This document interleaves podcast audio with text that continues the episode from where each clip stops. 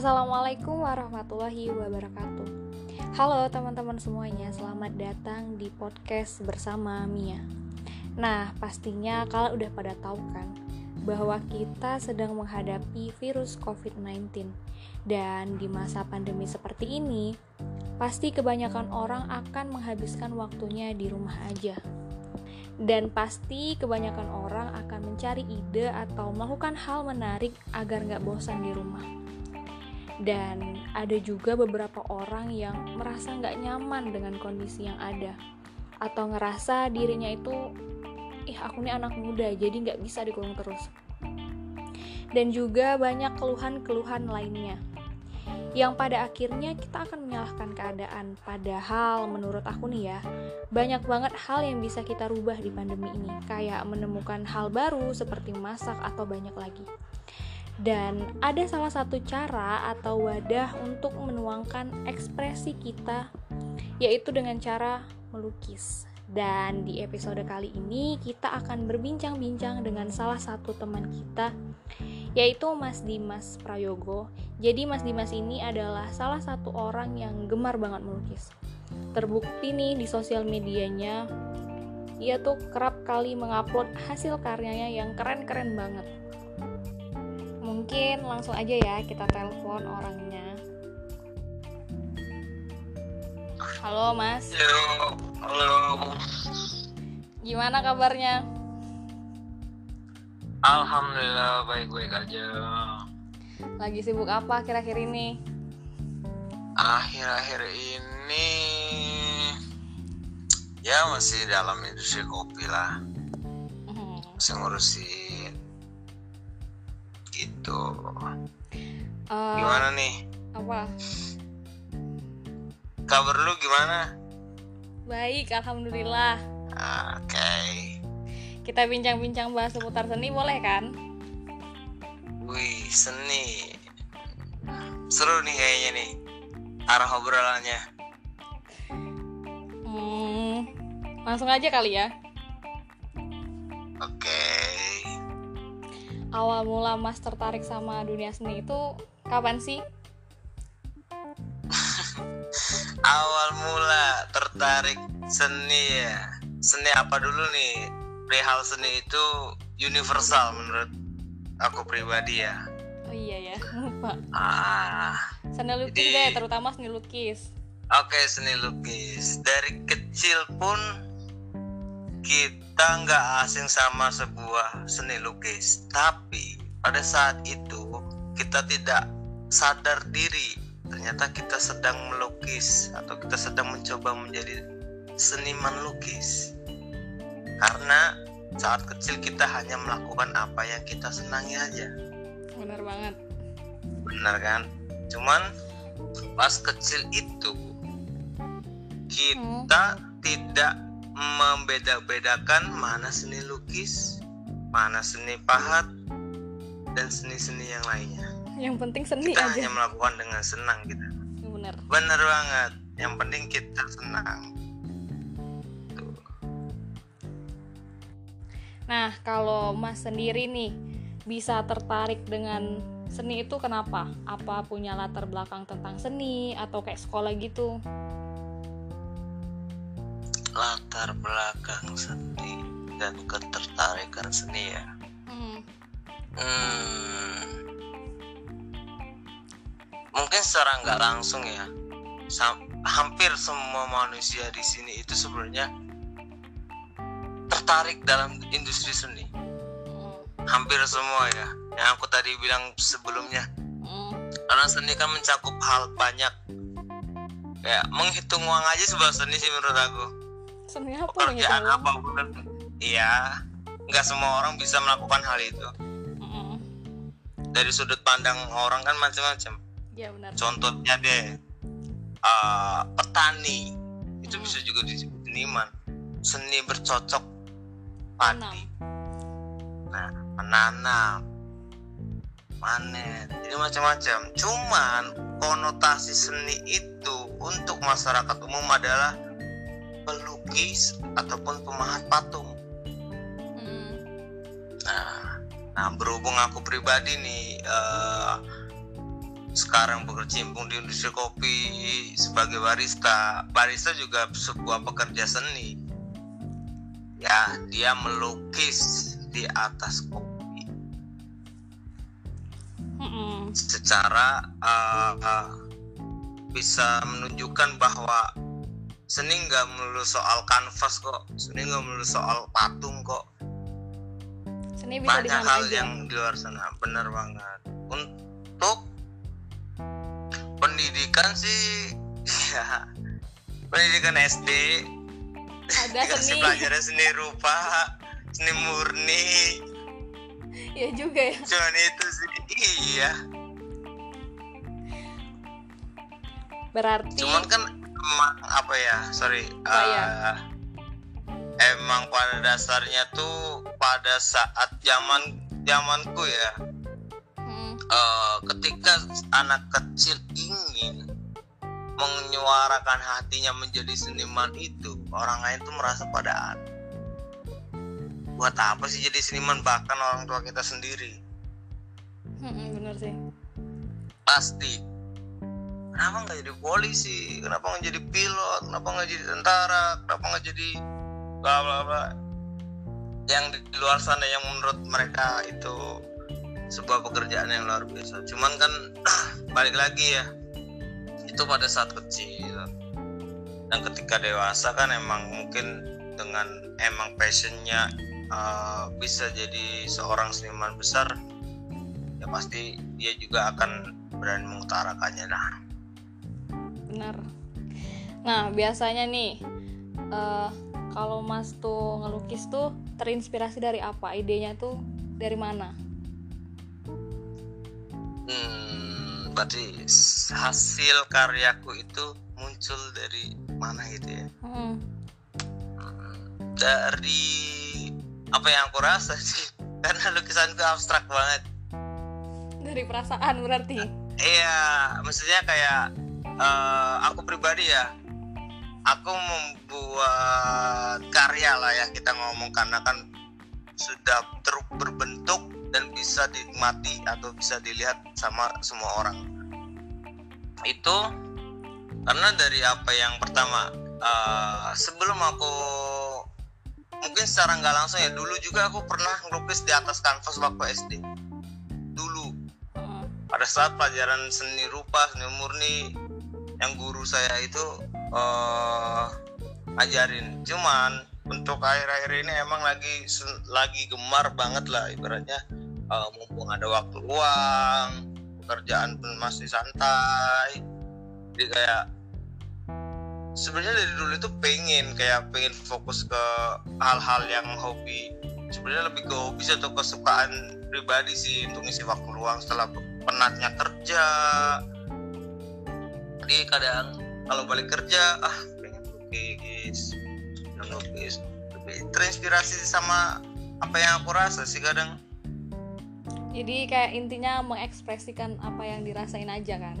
iya benar banget Nah, kan ngomongin seniman nih. Mas punya nggak sih salah satu seniman favorit kayak jadi salah satu role model role model Mas dalam dunia seni? oke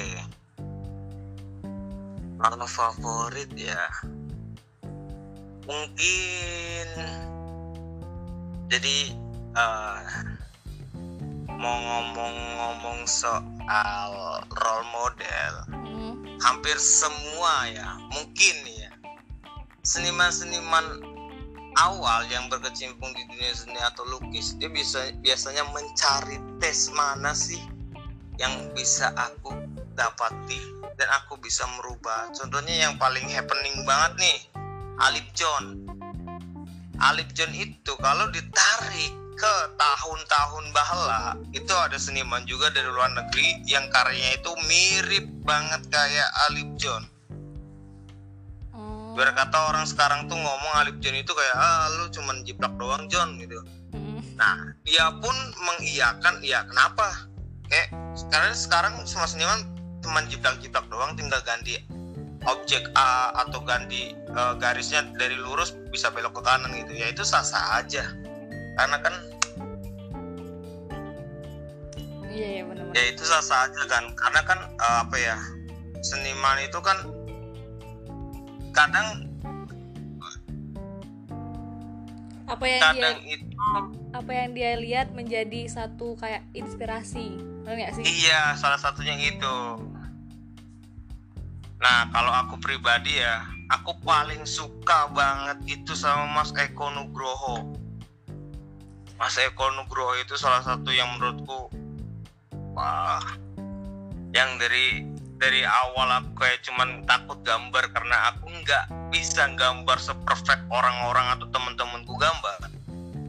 Kayak yang buat wajah orang tuh bagus banget buat uh, animasi bagus banget tangannya bagus terus aku pernah ngomong ke temenku gelisah aku nggak pede atas apa yang aku lukis karena aku kayak pengen buat sesuatu tapi aku konotasinya itu masih terbawa sama hal-hal yang perfect gitu loh.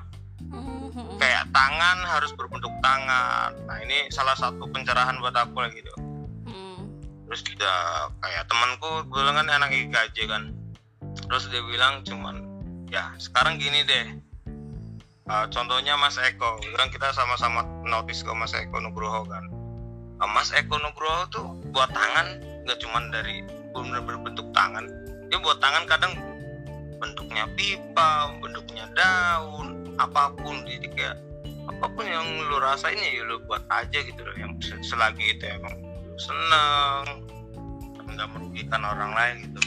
Oke juga ya itu ya selama ini aku melihat orang-orang lukis itu ya mungkin itu kelebihan mereka untuk bisa mendapatkan eh, imajinasi yang Mhm, sedetail imajinasi. itu gitu nah itu salah satunya kan Indonesia eh, Mas Eko Nugroho ada salah satu lagi itu Pablo Picasso Siapa? Nah, Pablo Picasso itu seniman yang benar-benar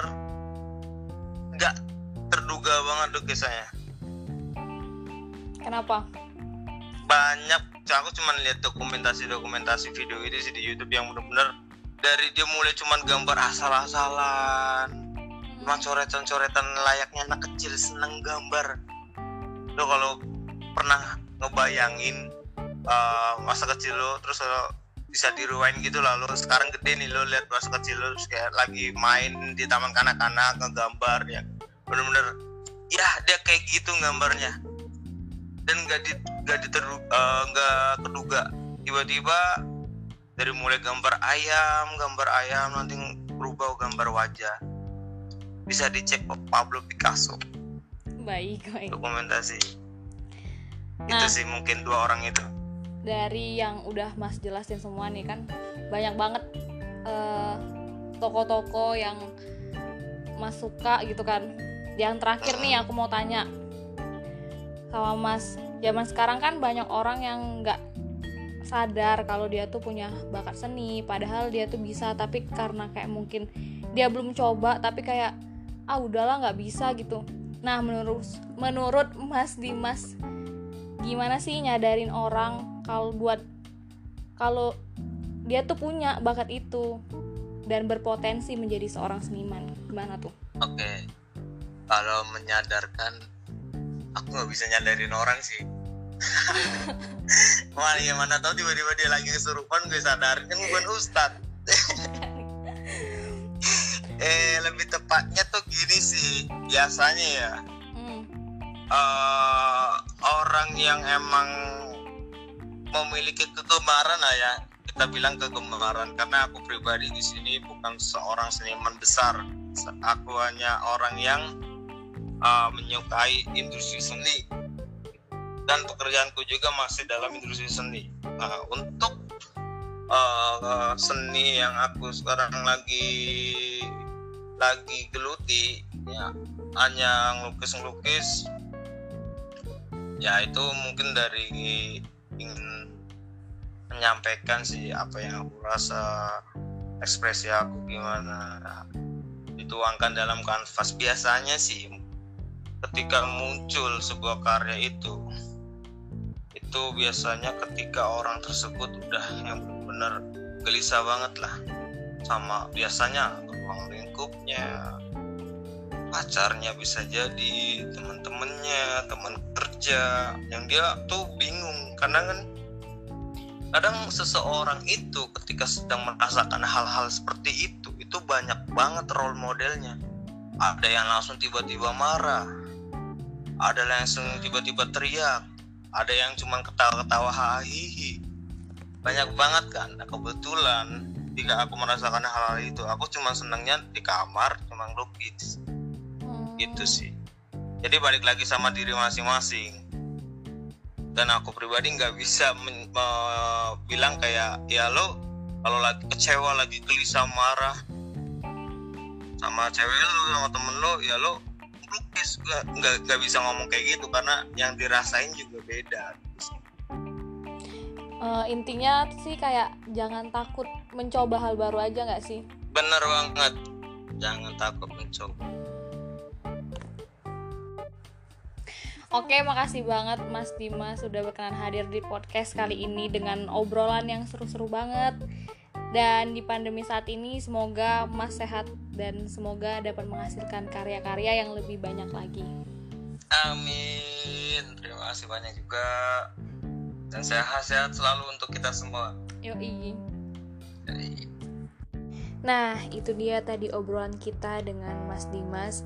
Banyak pelajaran yang kita nggak tahu bisa jadi tahu, kayak contohnya tadi tokoh-tokoh yang disebutin mungkin kita nggak tahu. Uh, dengan adanya podcast ini kita jadi tahu. Dan dengan adanya pandemi ini, satu hal yang harus kita pastikan adalah bahwa pandemi bukan penghambat suatu hal dan kita harus tetap produktif dan menghasilkan karya-karya. Tapi jangan lupa Tetap selalu jaga kesehatan kalian di mana pun berada. Terima kasih semuanya yang udah denger podcast kali ini. Sampai jumpa di podcast selanjutnya.